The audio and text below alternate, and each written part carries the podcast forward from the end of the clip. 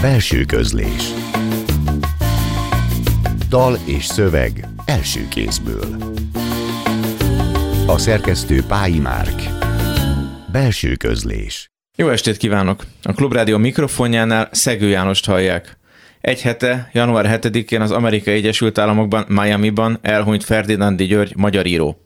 1935-ben született Budapesten, az 1956-os forradalom után még az év decemberében disszidált Magyarországról, 8 Franciaországban töltött esztendő után a trópusokon telepedett le, és lett ennek a térségnek és a nyugati emigráns magyar irodalomnak egyik legérdekesebb, legszínesebb, legeredetibb krónikása. 1960-ban jelent meg első francia nyelvű novellás kötete, a Sziget a víz alatt. Első magyar nyelvű próza kötete 1965-ben Münchenben jelent meg, Futószalagon címmel. 1988-ban a Magvetőkiadó publikálta első hazai könyvét, a Szerecsenségem története című kötetet. Önironikus alkotát jól jellemzi az az adomája, hogy a könyv címét sokan szerencsétlenségem történetének értették. Az anekdotikus kiseppika, a rövid próza mestere volt. Legegyedibb műfaja az önéletrajzi elemekkel átszőtt, eszéisztikus kitérőkkel, morfondírozásokkal színesített elbeszélés volt. Legnagyobb témája pedig az élete, annak jellegzetes 20. századi fordulataival, az otthonok elvesztése és megtalálása. A szabadság trópusait írta meg Ferdinándi György, a világpolgár és az örök Sashegyi. Néhány éve vendégünk volt a belső közlésben, egy sokat mesélt, kedves anekdotájával búcsúzunk tőle, amelyet a műsorban is elmondott nekünk, a Magyarországra való titkos visszaszökéséről, vagyis a visszidálásáról. Gyurka, nyugodj békében! Én 30 évig a Genfi menekült útlevéllel éltem, tehát csak 86. május 1-től vagyok amerikai is ezzel a Genfi útlevéllel nem lehetett hazalátogatni, de az én apám 30 évig bénán feküdt elfekvő kórházakban, miután hát a nyilasok agyonverték őt, és én mindig kérvényeztem a magyar követségen, hogy legalább egy hétre engedjenek vissza hozzá. Valahányszor az ő állapota rosszabbra fordult, kaptam ilyen egyhetes beutazási engedélyeket kétszer is. Egyszer illegálisan is bejöttem, amikor nem, nem kaptam meg ezt az engedélyt. Illegálisan pedig Krisztó eh, Kabarciev bulgár zenekarával jöttem be. A 40 zenész közé becsúsztatták az én Genfi útlevelemet, és így kerültem be illegálisan Magyarországra. Akkor született egyébként a visszidálás szó is, hiszen a Maros utcai rendőrségen itt Budán, mikor bementem bejelentkezni, akkor az a derék hadnagy összecsődítette az egész őrsöt, és azt mondta, jöjjenek, jöjjenek, mert disszidenst már láttak maguk, de én most mutatok maguknak egy visszidenst.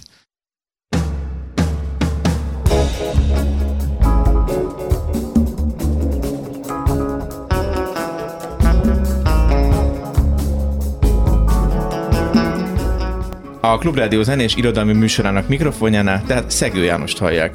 A műsorban általában hétről hétre egy írót vagy egy költőt mutatunk be, aki felolvassa megjelenés előtt álló szövegeit, és elhozza magával azokat az zenéket is, melyek meghatározóak az életét vagy a pályáját tekintve.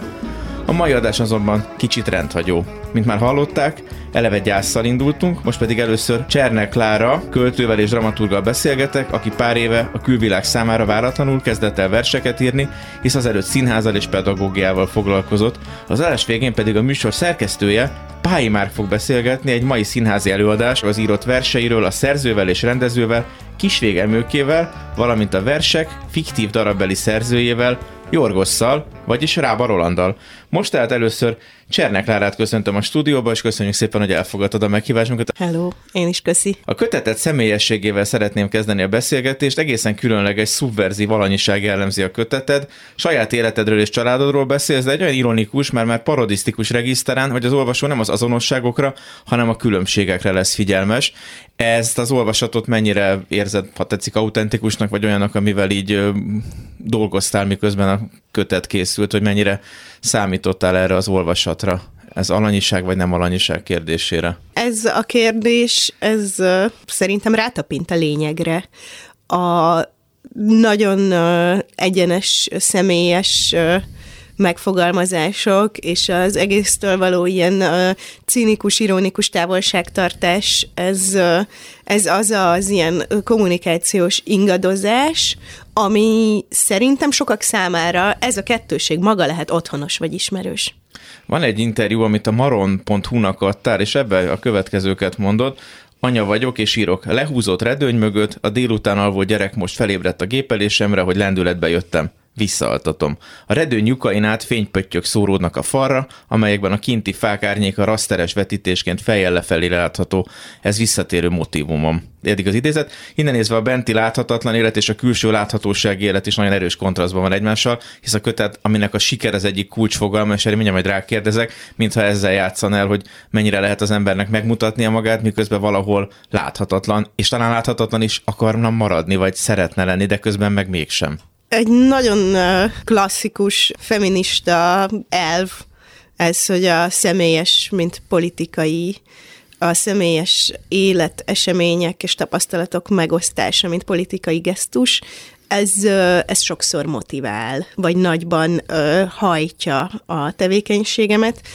És ahogy az életemben újabb és újabb láthatatlan események, fordulatok és viszonyrendszerek termelődnek ki kisgyerekes anyaként, így attól azt hiszem nem kell tartanom, hogy túlságosan nagy lesz a nyilvánosság, de azért tartok tőle, ebben igazad van. Érdekes ebben a kötetben nem annyira anyaként, mint inkább lányként, valakiknek a lányaként fogalmazod meg magad, de amikor erről beszélsz, akkor arra gondolsz, hogy anyaként újra értelmezed akár a saját gyerekkorodat, viszonyaidat, perspektíváidat is? Abszolút, ez a verses kötet, a, ami a, tulajdonképpen a sikerről szól, ahogy az előbb felvetetted te is, ez, ezt, a, ezt a valakinek a gyerekének levés kérdést hámozza. Ahogy nekem is gyerekeim lettek, ez, ez egy ilyen plastikusabb problémává vált. Egész sokáig azt gondoltam fiatal felnőttként, hogy az ember megszökhet ezzel, mert elmúlik, de, uh-huh. de nem. De ha innen nézzük, akkor ez a siker, ez valahol a bizonyítással függ össze, vagy a, a, a produkálással, vagy a visszaigazolással? Mert tényleg nagyon érdekes volt, hogy a sikert ennyire központi témává emeled. Egyrészt a kötet címe, az első versek, és egy nagyon-nagyon érdekesen kezdek gondolkodni ezen, hogy mit is jelenthet a siker. Ez Neked van definíciód? Ennek a... Ez, e... kinyitotta a könyvet közben, mint a színházi közvetítésekinél régen a narrátor, így mondom. Erre, erre tett kísérlet az egész kötet, hogy a siker, siker definícióját a saját képemre formáljam, és a megörökölt definíciókat ö, legalább értelmezni tudjam, vagy ö, jobb esetben akár meg is tudjak szabadulni uh-huh. tőle. Ez van az utolsó oldalra írva, hogy sosem késő letérni az előre kijelölt útról, ez a siker titka. 2021-ben úgy gondoltam, hogy ez a siker titka, van benne valami, azt hiszem. Erről eszembe jut, hogy te a Momén végeztél, és van egy nagyon izgalmas társasjáték kártya is, amit létrehoztál. A kő, kő, kő a címe, és mint egy feldobott kő, Cserneklára erő is vette másik zsebéből, gyakorlatilag egy női Rodolfóval beszélgetnék ezt a kis pakkot, és itt is, mintha véletlennek, hogy az ember merre indul el, lenne jelentősége. No, de vissza a kötethez. Bocs, és... Rodolfo az anyukám babysittere volt, mehet tovább. Ez nagyon érdekes, és ez egy olyan adat volt, amit eddig nem tudtam, de most már nem csak én, hanem a klubrádió, illetve a belső közés hallgató is tudhatnak. Ahogyan azt is elárulom a kedves hallgatóknak, hogy egy nagyon érdekes rongyosra olvasott saját szerzői példányt húzott elő Csernek Lára a zsebéből, mindenféle jegyzetekkel, sajtszédulákkal, és látszik, hogy ez egy, ez egy rendesen használt kötet sok helyre kellett felolvasni belőle, hogy ennyi jegyzet van benne, vagy még hozzáírtál dolgokat esetleg? Mind a kettő. Tényleg? Mm. Az olyan ráolvasás a részemről, hogyha a versek teátrális dimenzióját is érzékelem? Mert ebben a kontextusban az igazság, az őszintesség és annak a lehetséges ellenpontjai lesznek talán a legizgalmasabbak, hogy mi az, amit elhihetünk mondjuk a versek beszélőjének, és mi az, amit nem. Ez megint egy ilyen fél kérdés, amit bízom benne, hogy kiegészítesz a homoludenszi képességeiddel. Valahol ez a ez az irodalomnak egy ilyen uh, jobb működésmódja talán, mint a színháznak az én számomra, hogy kikerül, a, kikerül az én uh, hatáskörömből az, hogy mit hisznek el és mit nem. Tehát ugye a színházban, mivel hogy ott van az előadó folyamatosan, ezért egy ilyen folyamatos, totális kontroll van az értelmezésnek a, a körülményei és a jelentések egymással való viszonya felett, és ezt meg hazaviszi valaki, és a saját életterében és a saját életének a viszonylataiban kezdi el uh, olvasgatni. Az elkövetkező percekben most abban szerencsés, remélem szerencsés helyzetben leszel, hogy mégis hatással lehetsz a, a befogott oldalra, mert hogy most foglak megkérni arra, hogy olvas fel a kötetből, hogy a hallgatóknak is legyen valami képe, hangja a versekről, úgyhogy a következő beszélgetés blokk előtt megkérnélek, hogy olvas fel néhány verset a kötetből. A siker útjára lépni nem félek. Fiatal vagyok, okos és jó módú. Ez az új őszintesség tetszeni fog neked.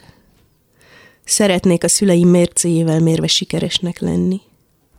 Egy jó életre vágyom, boldogságra, pénzre, hogy a sok tanulás ne vesszen kárba. Annyi szerkesztőt, kapuőrt, vizsgabiztost, beengedő és kidobó embert ismerek, hogy azt hihetném, hogy már bent is vagyok a tuti jó sikeresség csarnokában. De nem. Valójában az ajtóban, a folyosón, az előszobában, a váróteremben nőttem föl. Szeretnék bejutni az ajtókon túlra, de a túl sok tudásom arról, hogy ezt a késő kapitalista neoliberális közép-európai társadalom széthulló szerkezete hogyan akadályozza, nem segít. Segítségkérés. Hé, rabbik és papnők, most már legyünk mesztelenül, fogócskázzunk, csináljunk gimnasztikát, és találjuk fel a legradikálisabb táncmozdulatokat a fényesen csillogó mezőkön, meg a gyümölcsökkel és virágokkal teli varázslatos talmudi kertekben. Diaszpórában élek Budapesten. Itt mindenki traumatizált, ide fagytam örökre, de szeretném látni a világot. És félek a változástól. Teremtőm, légy szigyámolítsál sürgősen és gyakran, speciális szükségleteim elégítsed ki már.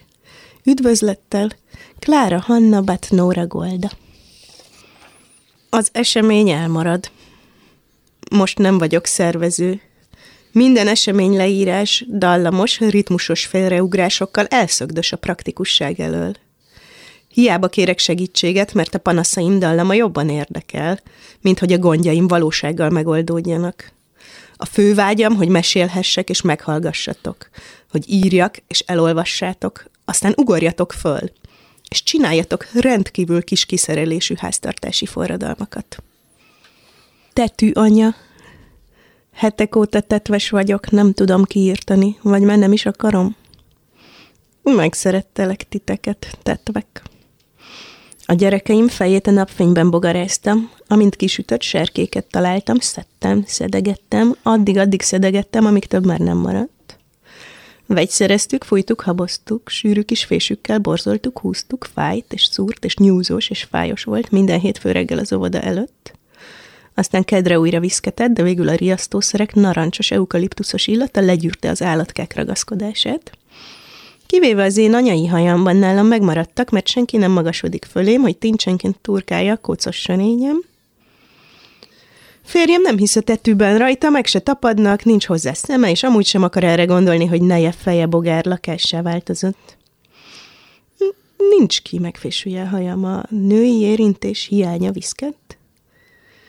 Beszéljünk, tetükéim, dumáljunk.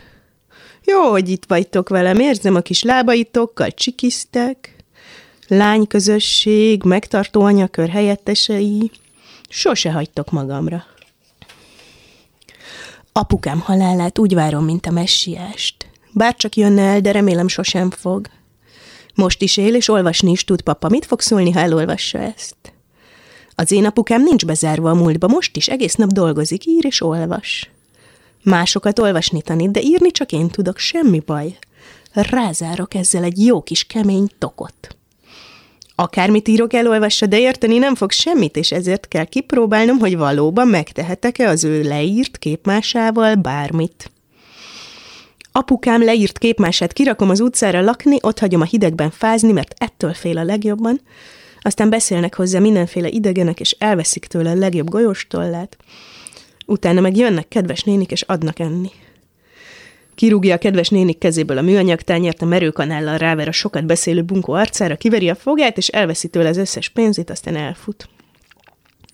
Fut a lopott pénzzel, aztán hazajön, de nem ad a zsákmányból senkinek, és elmondja, hogy milyen lelki hatások érték az írót, amikor ezt és ezt találta ki.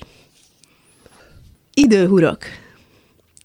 Erről azért beszélek, mert vágyom arra, hogy rám figyeljetek. Apám, a nagy pszichiáter három éves koromban mit csinált velem? Senki más nem volt ott, nincs tanú, és régen történt, izgalmas történet, igaz? De csak kívülről, felöltözve, közben engem lefogolt, arcom a szúros pulóveréhez dörzsölődött, nem kaptam levegőt. Ez aztán a trendi probléma, a gyerekkori bántalmazás. Ki hiszi el? Jó kis mese. Aztán anyám megkérdezte a többi nagy gyerekpszichiátert, hogy miért olyan furcsa a gyerek. Miután ez történt, nagyon figyeltek rám a szüleim, és ez hiányzik, ezért beszélek róluk.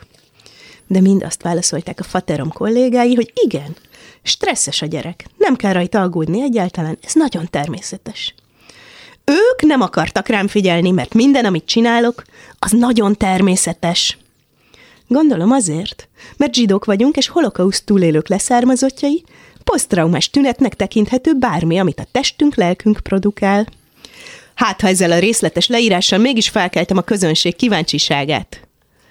Aztán eltelt 29 év, ami alatt végig úgy éreztem, hogy nem vagyok elég jó, ügyesebben kellene teljesítenem, jobban és kreatívabban művészkednem, hogy elérjem, hogy teljes, egész önmagam legyek.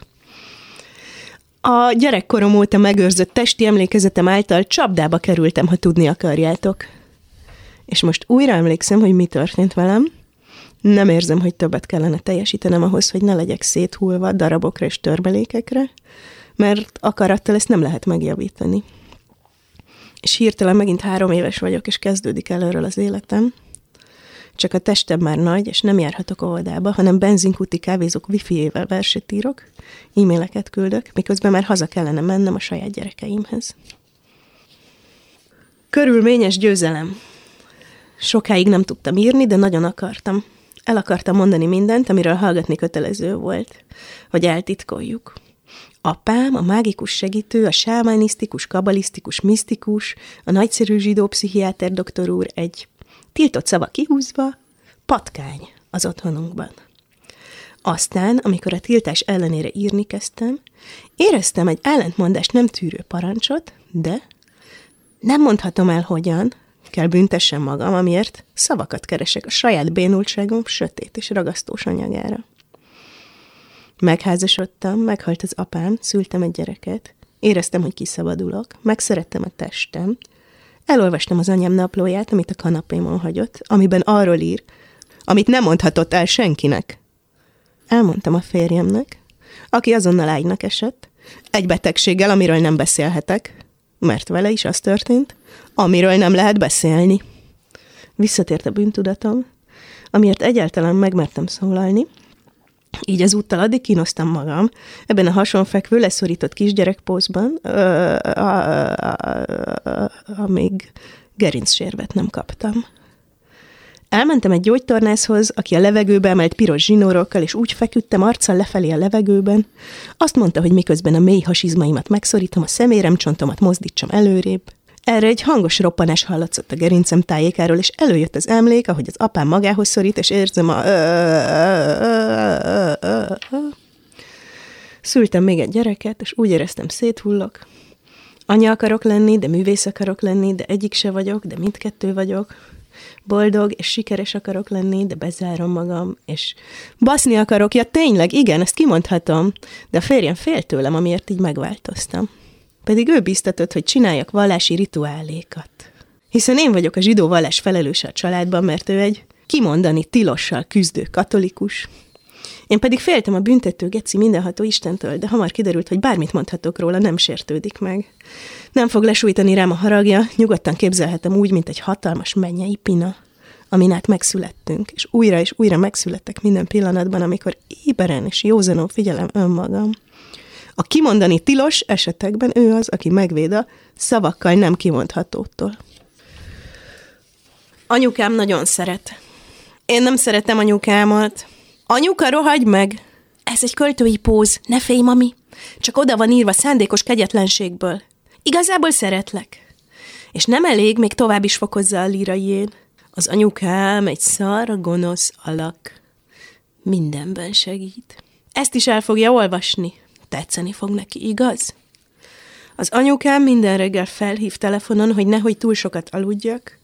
Most már eleget aludtál, mondja. Pedig régebben azt mondta, hogy a Zsuzsi, az ő anyja mindig ezt mondta reggel, amikor felébresztette őt, és hogy gyűlölte akkoriban azt. Állítólag én hasonlítok Zsuzsira. Ő igazán gonosz volt, anyukám nem az, csak gyűlölöm kicsit, pedig nem szabad, mert sokat segít, megért és ápol engem. Ide, anyukám, nem jutsz be! Óvatosan sértegetlek, csak vigyázva. De ez nem vicces, tudom. Mit fognak szólni a barátaid, ha meglátják, hogy miket írtam róla? Nem tehetek róla, mondod majd nekik. Nem tehetsz róla, ha kérdezik, ezt mondjad. Zsuzsi sem volt gonosz, hanem holokauszt túlélő volt. Azért volt olyan rideg, kegyetlen és önző. Nem tehet róla. Andi, te segítsz! Elfogyott a titkos és otthonos fájdalom, ami írásom motorját kezdettől hajtsa, és most az örömre kell átszereljem magam. Andi, te segítsz ebben. Budapesti vagy, de messziről jöttél, szép vagy és kedves, rabbi és bába, anya és utazó, sokat kellett várnom rád, és nem bírtam kérdezni tőled semmit. Már tudom, hol laksz, érted, megyek autóval, késésben vagyunk, a 23 éves Fiat Pandám úgy hajtom, mint egy elszabadult 32 éves dodge kisfiú.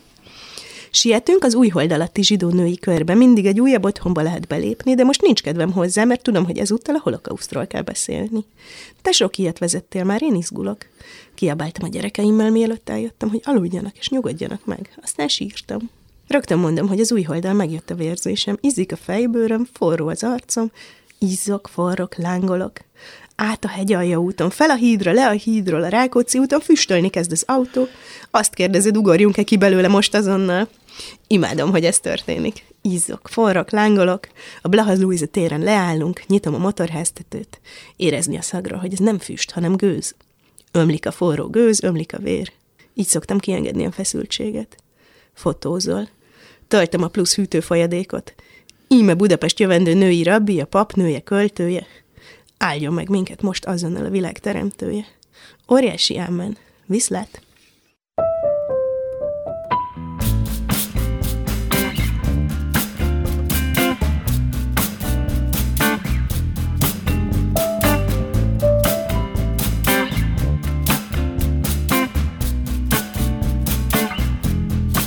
Well, it's time to begin as the sun sets in as a scene set for new lovers. You play a part painting and you start but each gate will open another. July August said it's probably hard to plan ahead. July August said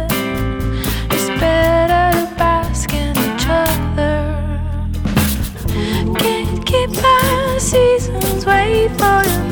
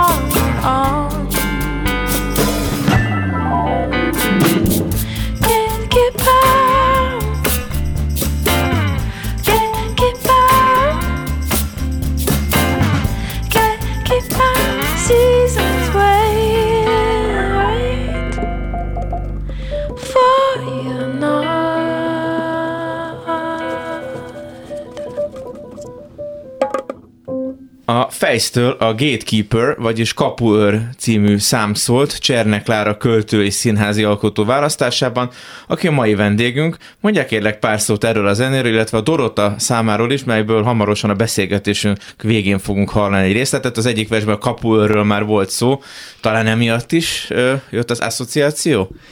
Valószínűleg igen, bírom ezt a számot. Szimpatikus a nő. Az fontos. A kötetetbeni versbeli beszélő, akinek most már meghallhattuk a hangját, bár ebben most újabb versek is voltak, uh-huh. amik a kötet óta íródtak. Lánykori neven a lírai lány retorikájára jellemző egyfajta infantilis regiszter, hogy a szüleiről beszél, felsorol, kibont elemeket. Ez az infantilitás, hogy egy nálad kisebb, fiatalabb persona hangján beszélsz, ez összefügghet esetleg a transgenerációs posztcsoá családi közeg metaforájával? Arra gondolok, hogy a sorstalanságban a Köves Gyurényen felnőtt gyerekként beszél a lágerekről, ezek a beszélők inkább ilyen gyerekfelnőttek maradnak, illetve mennyiben van szándékodban változtatni ezen, mert hogy az újabb versekben mintha ez kicsit árnyalódna, és itt már megjelenik annak a kérdés, hogy mi az, ami kimondható, mi az, ami nem mondható ki, de itt a sikerkötetben nagyon nagyon eredetinek találtam ezt a, ezt a furcsa hangot, amit nem tudok jobb szóval jellemezni, mint infantilis. De ha te tudod, akkor kérlek tedd meg. És hogy ennek tényleg ez az oka, amire én gyanakszom, vagy amire elindult a szimatom. Dedós a megfelelő szóra. Ez a szakkifejezés, ez az irodalomelmélet könyve dedós. Így van. Um, ezt a pozíciót nem tudom pontosan, hogy a, a soá és a történelem egyéb fordulatai pontosan hogyan hozták létre, arra gondolok, de, ne... tudom, de hogy nem. Na, de, de jó. persze, hogy tudom. Hát, hát persze. Nyilván, hát én gyerek, gyerekként, nyilván én is egy Köves Gyuri típusú, klasszikus, meg egy kis Anna Frank típusú kisfelnőtt voltam, uh-huh. és mhm. felnőttként lettem egy nagy óvodás. Ne, tényleg erre gondolok, amikor négy-öt évesen a gyerek ránéz a nagyanyja karjára, és megkérdezi a telefonszámot, hogy most én mondjak egy személyes példát, akkor ezek valahol nagyon felnővesztik a gyereket, de közben meg úgy tartják még tizenvalány éves korában is, hogy védjék, kiméljék mindentől. Én erre gondolok. Abszolút. Én, uh, én egy ponton úgy döntöttem, hogy akkor, akkor most felnőttként uh, itt az idő beadni a teljes uh, dedós világképet. Aztán bizonyos, uh, bizonyos dolgok kicsit hiányoztak, hogy, hogy, hogy az okos válaszokat, azokat tudtam már ezekre a kérdésekre, hogy mi számít sikernek, milyen a felnőtt élet, de azokat a, azokat a válaszokat, amik igazi ilyen uh, lelki megnyugvást okoznának, azt uh, azokat magamnak kellett kitermelni, és ebben van egy ilyen uh, játékosság, önkényesség, uh, hogy nem a nem az okos választ uh, hajtom, hanem a, a megnyugtatót. Uh-huh. És ezt a dedós nyelvet, ezt hogy tudtad visszabontani magadba, vagy hogy találtál rá ennek a, erre nagyon furcsa, egyszerre természetes és idegenszerű stihére, hogy, hogy olyan hangon tudjanak ezek a versek megszólalni, amelyben ez pont úgy hiteles, hogy közben eleve hiteltelen, vagy eleve zavarba ejtően olyan nem létezően közben mégis nagyon létező.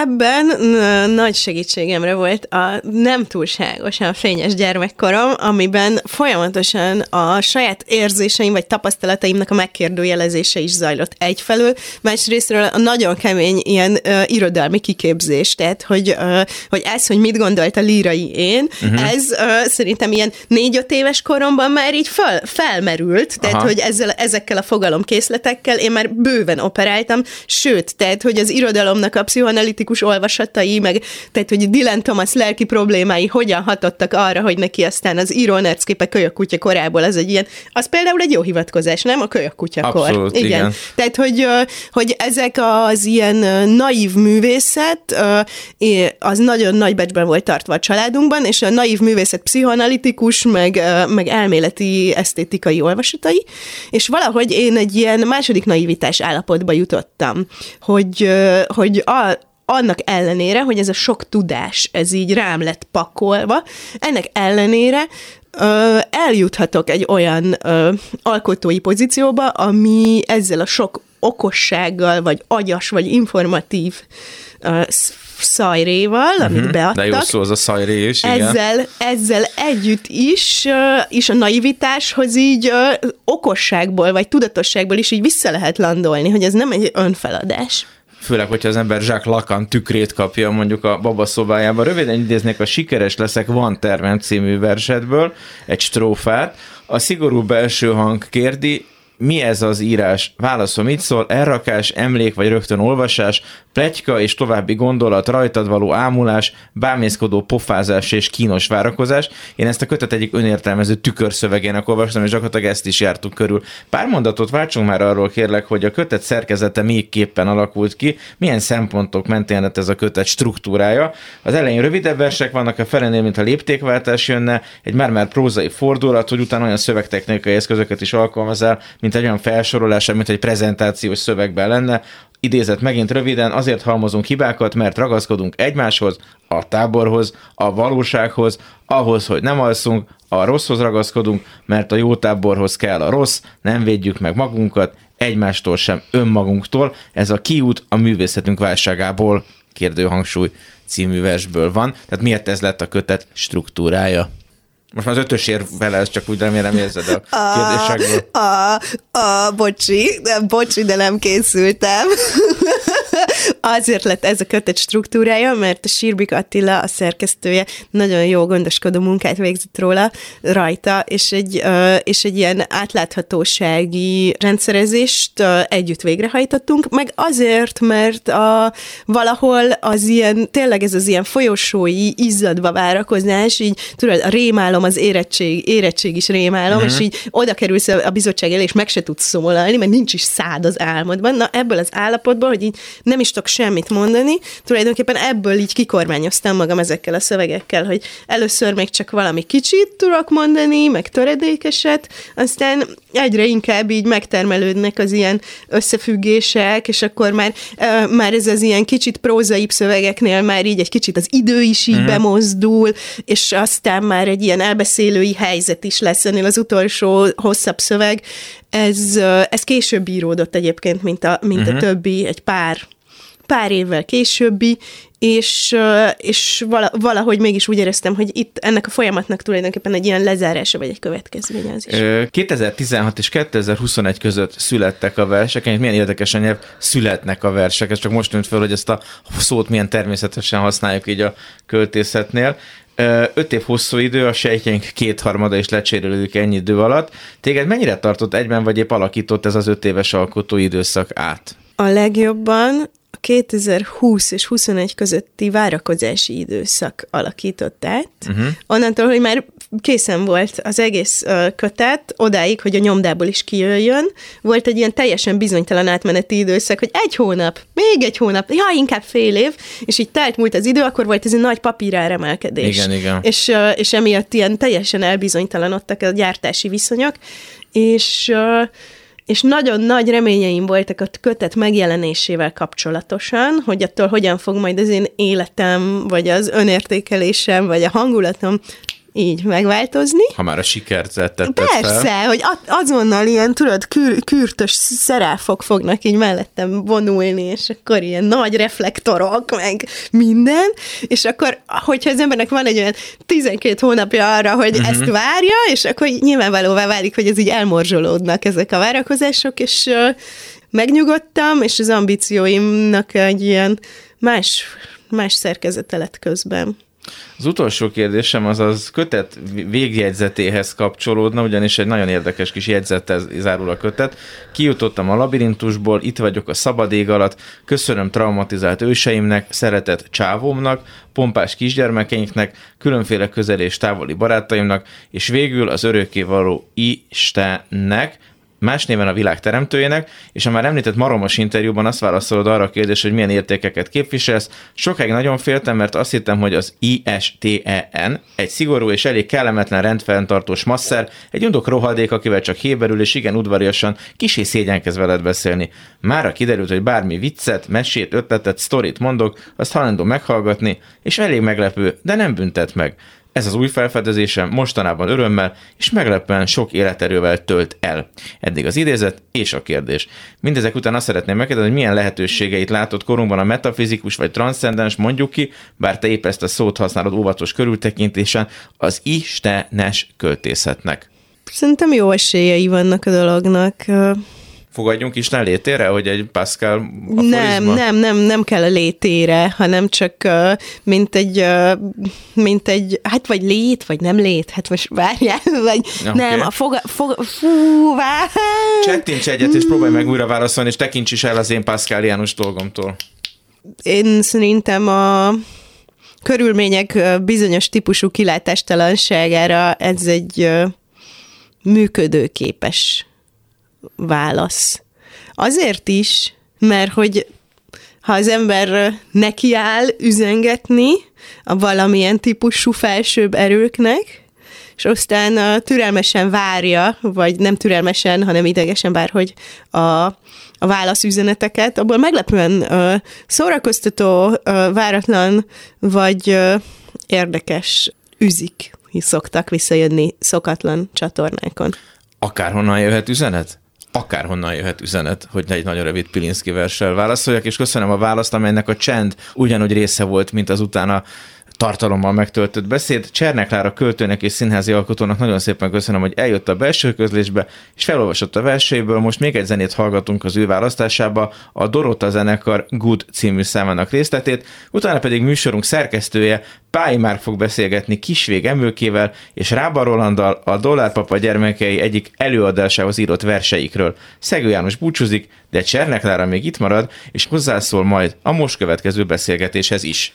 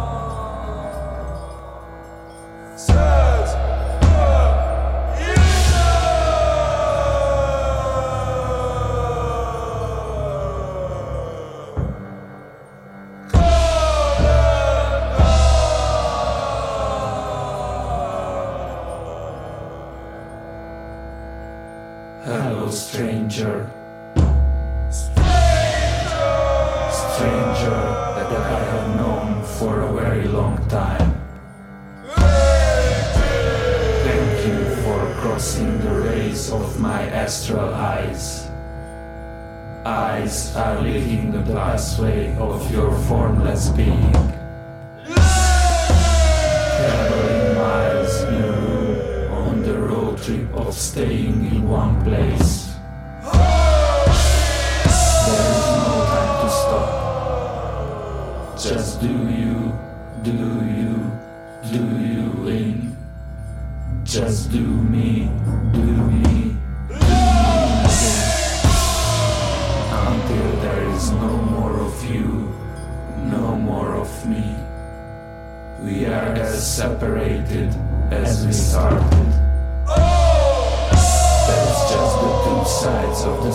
coin. Money can't buy love, but, dinners are great in the sky. Or at riversides, where I heard the final countdown twice. The cold shiver is running through my spine. I'm frozen.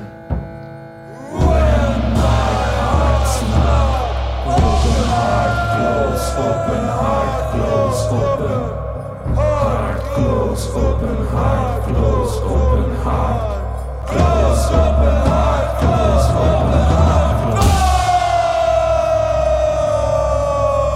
A Dorota Good című száma után a Klubrádió mikrofonjánál Pályi Márkot hallják. Kisvégemőke Jorgosz verseiről és annak kontextusáról beszélgetünk most az adás második részében. Ezek a versek a Dollárpapa gyermekei nevű társulat egy rosszaságról című előadásához születtek, és mindössze 30 példányban jelentek meg. A szerzőjük a színész-rendező Kisvégemőke, és elkísérte őt a darabbeli Jorgosz is, vagyis Rába Roland címművész. Mindjárt meg is kérlek, hogy olvas fel egy-két verset belőle, illetve talán még jobb, ha mind a ketten felolvastok, hiszen az egész kicsit azzal is játszik, hogy nehéz pontosan megállapítani, hogy a versek beszélője az a szerzőjük, vagy az előadójuk. Tehát a valós szerző, aki kisvégemőke, vagy a darabbeli fiktív költő és ilyen mágus, Jorgos, akit Rába Roland játszik. Ez legfőképp abban érhető tetten, hogy egy férfi vagy egy nő beszéle benne, ezt nem mindig tudjuk, vagy hát mindig mást gondolhatunk róla, és majd beszélgetünk arról is, hogy ez a kettősség vagy hasadság az előadásban is több más elemmel együtt végighúzódik. Mennyire konceptversek ezek az előadáshoz való felhasználásra, vagy mennyire mutatnak azon túl. Nagyon érdekes a trágárság is, mint szándékosan az öncélúság határán lebegő formai elem benne. Talán ez a legelején teljesen konkrét volt, hogy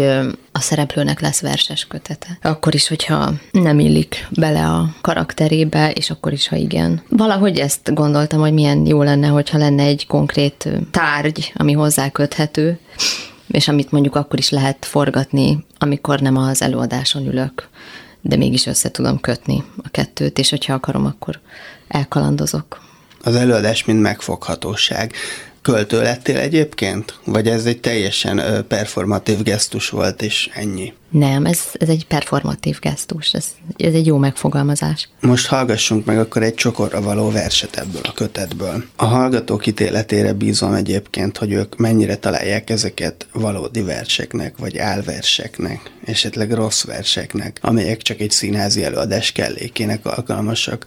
A magam részéről én az előbbi megközelítéshez húzok, vagyis, hogy ezek tudnak valódi versek lenni. A költészetnek eleve elég sokszor velejárója, hogy azt a kérdést tesszük fel a versek kapcsán, hogy mennyire tekinthető igazi versnek. Ezért a felolvasás után a műsor első felének vendégét, Csernek Lárát is meg fogom kérdezni erről, hogy ő hogyan látja. Akinek a verses kötetéről volt szó az előbb, és akinek a verseire ma már versként tekintünk, de néhány évvel ezelőtt, amikor elkezdte, ez is még egy kérdés volt. Tehát most akkor Jorgos verseit hallják Kisvégemőke és Rába Roland előadásában.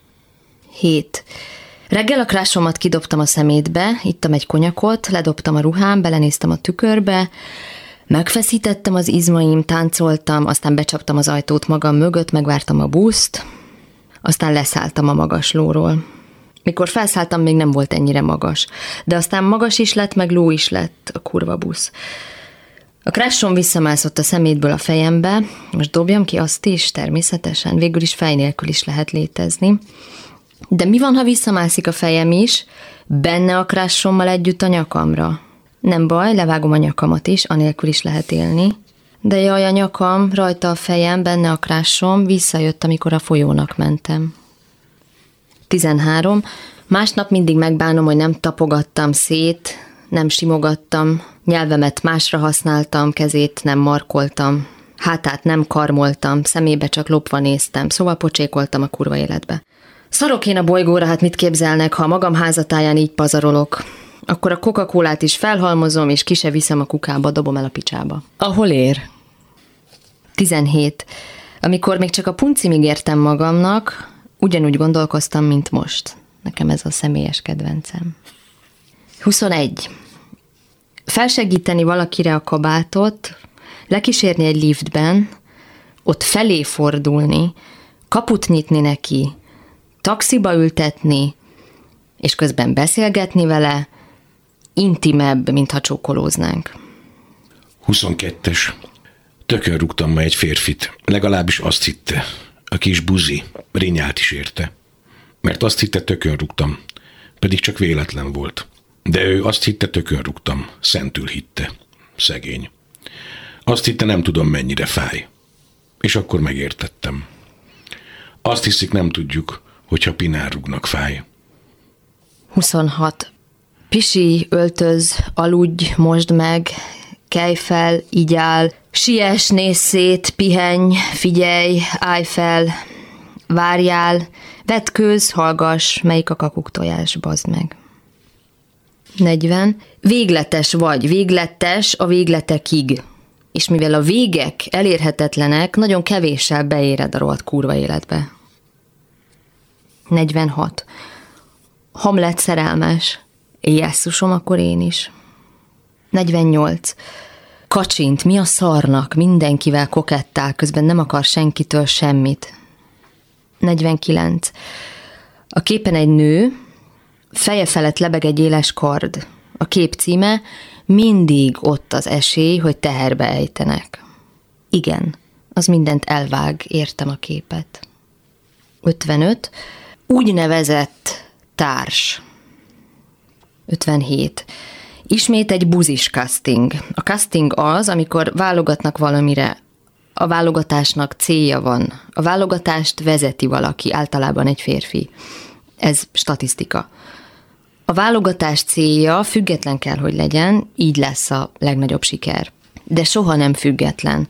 Belső vágyak, szándékok, elnyomott akaratosság hajtja. Ismétlem, általában férfi áll mögötte. Na most, ha ez még buzi is. Ott csak a korlátoltság van.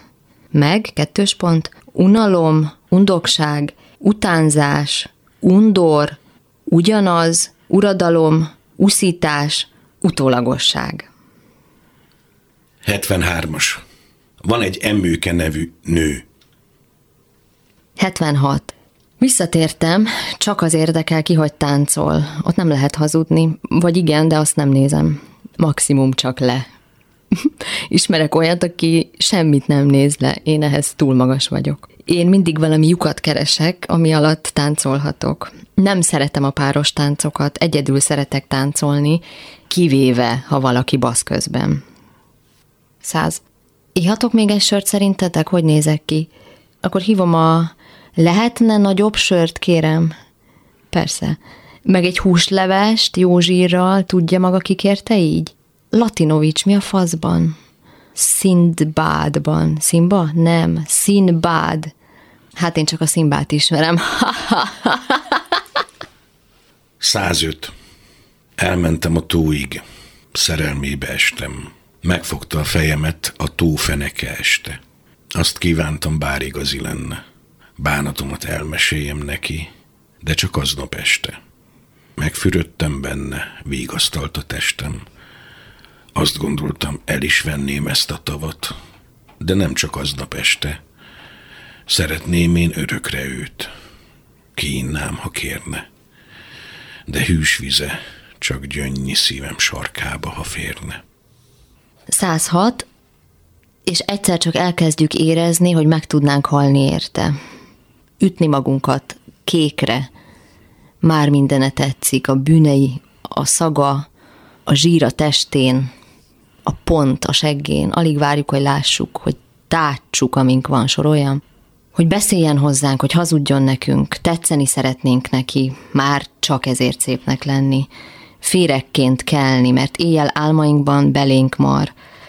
Reggel izzadva felébredünk és felsikoltunk, hogy nincs ott a foga íve a nyakunkon, csak egy hajszál a torkunkon. És amikor már azt érezzük, hogy nincs tovább, nem lehet tovább, amikor már meghaltál érte, persze ő nem kérte Istenem, de csodálatos, akkor, de csak akkor, amikor már szerelem, akkor kezd folyni a vér is a bokádra, ezt megszoptad.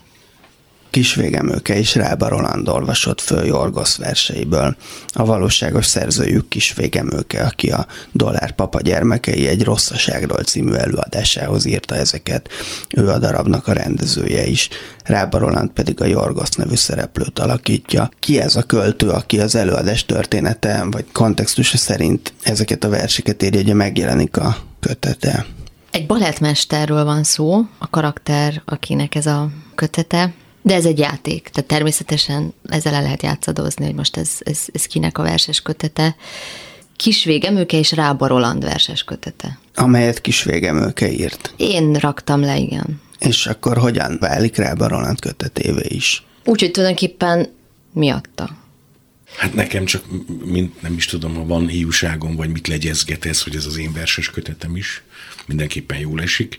De én felismerni vélem, így a együttlétünk során, a próbák során, a, az ötletelés során, Emőke nagyon sokat merít így a beszélgetéseinkből. Mindig átrágjuk a szövegeket, amiket ő ír. Közös történetünk sokszor, de nem mindig, persze, meg az ő saját története is nagyon sok versben. Ez a nő férfi, vagy férfi, vagy egy nő mondja, ez annyira kulminál emőkében, mert ő tulajdonképpen egy nő, de azért egy férfi is. Ahogy az előadásban pedig az általad alakított karaktere Jorgos elég sokáig úgy beszél magáról, mint amit egy nő is mondhatna, hogyha éppen nem férfi hangon. Igen, ez, ez egy specialitása az emőke szövegeinek, ami nekem mindenképpen újdonság, hogy olyan organikus szövegeket ír, ami valóban attól lesz férfias, mert egyébként egy férfi mondja, de teljesen működhet egy nő szájából is, és akkor ebből lesz valami fura transz. ami most ugye egy teljesen más típusú kifejezés, hogy másra asszociálunk.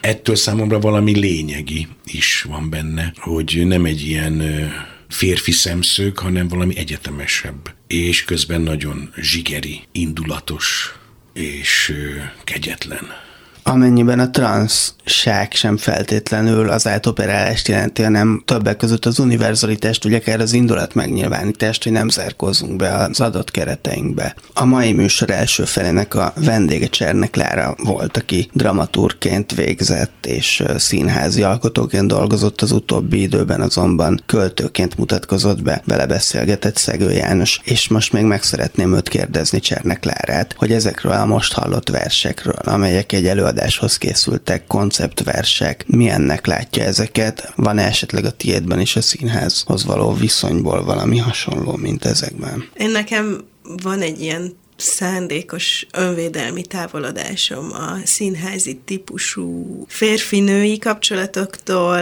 és szerepektől, és társas viselkedésektől, és a költészet az egy ilyen ettől való távolodási eszköz is volt a számomra és ezekben a szövegekben meg valahol én nagyon erősen érzem azt az ilyen színházi milliót, amitől én személy szerint szorongani kezdek, és jól sűríti ezt, és emiatt érzékelem benne azt, hogy ez cool, és emiatt viszont azt is gondolom, hogy nem válik le a színházról, hogy ez nem egy költői cucc a színháztól függetlenül, hanem ez valamilyen módon a színháznak valamilyen belső, számomra iszonyatosan kellemetlen működési természetét tök jól leképezi, vagy kihangosítja azt, ami az előadásokból nem jönne át a nézőnek szerintem. De viszont ez nem tud lesétálni a színpadról, és azt mondani, hogy én egy költészet vagyok, mert ez egy színházi cucc.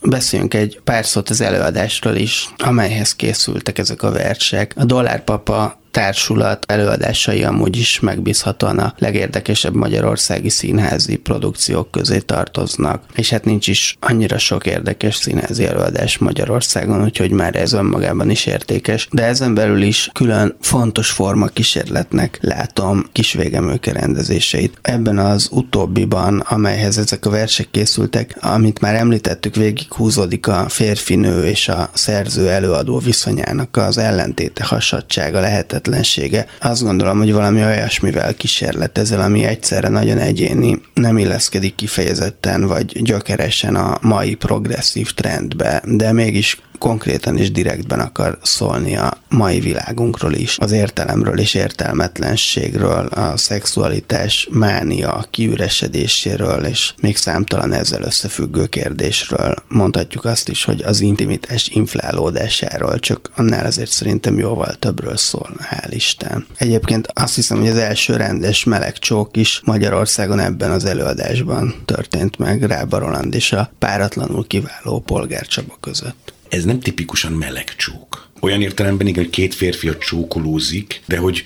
nem meleg karakterek vannak, hanem tulajdonképpen itt a két szereplő, a Polgárcsaba és a Jorgosz között is a vonzalomnak a szintje, vagy a minősége, valahogy nem ez a melegség, hanem valahogy a nagyszabásnak a hatása, tehát a Jorgosz hatása a Polgárcsaba nevű szereplőre, az tulajdonképpen egy melegségen túli vonzás, és azért valóban elcsattan egy csók. Igen, tulajdonképpen deszexualizált csók. Igen maga a helyzet, amiben ez a csók elcsattan, az nem engedi, hogy ez egy szexuális töltetű csók legyen. De tulajdonképpen ennek a darabnak nincsen problematikája és valahol ez a problematika. Úgy értem, hogy, hogy ez, egy, ez egy szándék. Tehát hogy nem állítom azt valamiről, hogy ez probléma, hanem inkább mint jelenség gondolok rá, ami nagyon sokféle utat törhet magának, és ilyen értelemben, és én ezt nagyon szeretem, hogy például ez a csók, ez tudna szexuális lenni. Tehát amire igenis azt lehet mondani, azért, mert két férfi adja egymásnak, hogy ez egy klasszik meleg csók. De igaza van Rolinak, valójában pedig nézhetjük úgy is, hogy egyáltalán nem. Mert szerintem így élünk, tehát hogy egyik pillanatban igen, másikban nem.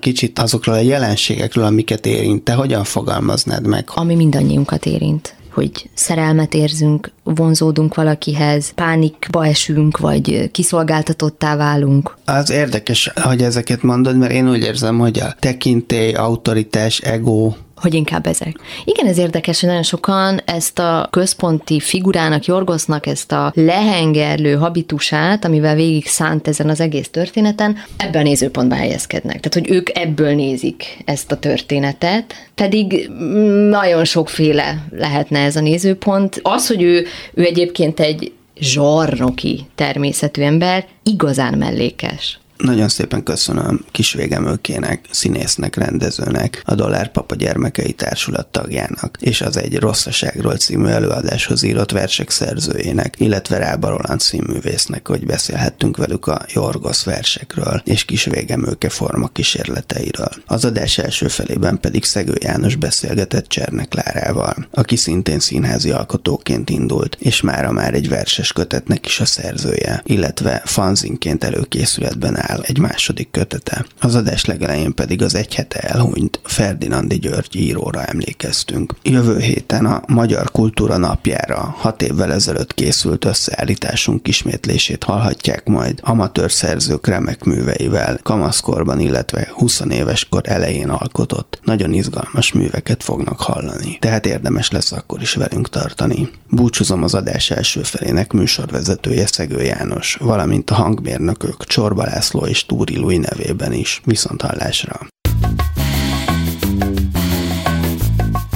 Belső közlés Dal és szöveg első kézből A szerkesztő Pályi Márk Belső közlés